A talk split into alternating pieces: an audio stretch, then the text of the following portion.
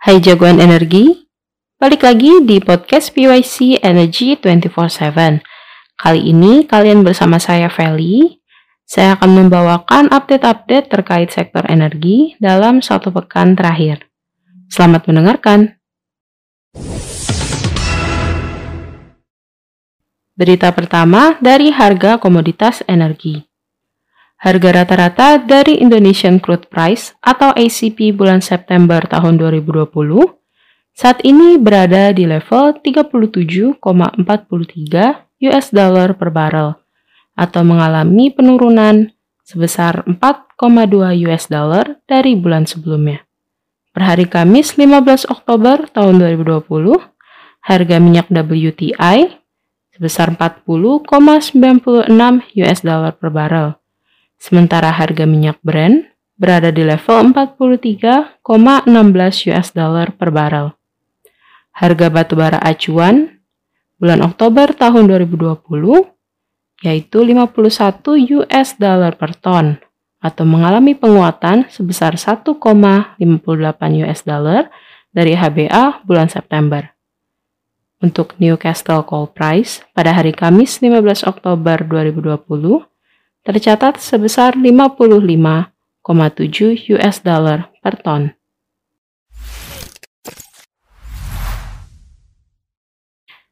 Ini potensi peningkatan bauran EBT dari co-firing biomasa.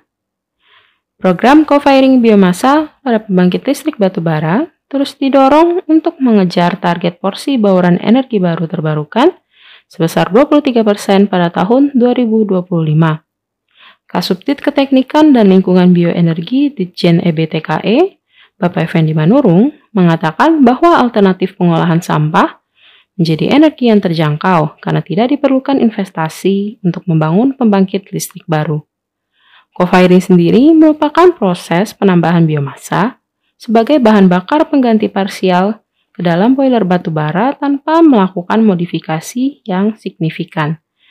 Bapak Effendi menyebutkan terdapat 114 unit PLTU milik PT PLN yang berpotensi dapat dilakukan co-firing biomasa. Pembangkit tersebut tersebar di 52 lokasi dengan total kapasitas 18.154 MW. Dengan campuran biomasa sebesar 1% pada PLTU, berpotensi meningkatkan bauran EBT sebesar 0,18 persen.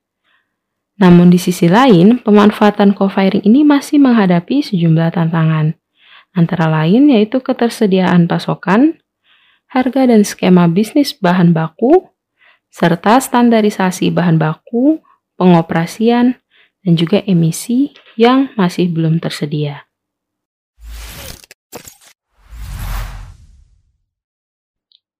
Tiga poin masalah hulu migas dalam Omnibus Law Undang-Undang Cipta Kerja. Dalam Undang-Undang Omnibus Law Cipta Kerja yang baru, terdapat perubahan dalam pengusahaan hulu migas. Skema kontrak yang awalnya berbentuk kerjasama, kini berubah menjadi perizinan berusaha. Pendiri Reforminer Institute, Pri Agung Rahmanto, menilai perubahan pasal ini menyebabkan tiga hal yang tidak jelas. Yang pertama, apakah BUMN boleh bekerja sama dengan badan usaha lain? Atau izin ini diberikan secara langsung kepada badan usaha, seperti penerapannya di sektor minerba. Yang kedua dalam hal keekonomian. Keduanya menghasilkan keekonomian yang sama bagi negara dan kontraktor. Namun dalam praktik yang lazim, izin lebih umum memakai teks dan royalti sebagai instrumen fiskalnya. Yang ketiga dari sisi hierarki hukum. Perizinan berusaha menempatkan negara atau pemerintah sebagai pihak yang menerbitkan izin. Secara teori, pemerintah memiliki kewenangan penuh untuk menerbitkan dan mencabutnya. Dengan kata lain, posisi pemberi izin secara hierarki lebih tinggi dibandingkan dengan yang diberi izin. Sedangkan dalam kontrak, posisi kedua belah pihak relatif setara. Selanjutnya, kontrak hanya akan berubah apabila ada kesepakatan di antara kedua belah pihak. Namun dalam praktiknya, hal ini tidak selalu demikian. Posisi tawar-menawar antar kedua belah pihak secara de facto akan menentukan apakah kontrak maupun izin dapat berubah. Sementara Menteri SDM Arifin Tasrif menyampaikan, pada klaster migas tidak akan ada perubahan spesifik dalam Undang-Undang Cipta Kerja. Pemerintah dan DPR sepakat pembahasan detail aturan itu akan masuk ke revisi Undang-Undang Migas yang akan dibahas mulai tahun 2021. Overall insentif ada royalti 0% dan izin sumur tambang bagi perusahaan batubara. Pemerintah terus membentangkan karpet merah untuk perusahaan tambang mineral dan batubara. Sejumlah insentif ditebar baik melalui Undang-Undang Nomor 3 Tahun 2020 atau Undang-Undang Minerba maupun Undang-Undang Cipta Kerja. Direktur Pembinaan Pengusahaan Batubara, Direktorat Jenderal Mineral dan Batubara, Sujat Miko, mengungkapkan bahwa ada tujuh skema hilirisasi batubara yang telah dikembangkan oleh pemerintah. Ketujuh skema hilirisasi batubara itu adalah gasifikasi batubara, pembuatan kokas, underground coal gasification, pencairan batubara, peningkatan mutu batubara, pembuatan briket, dan coal slurry or coal water mixture.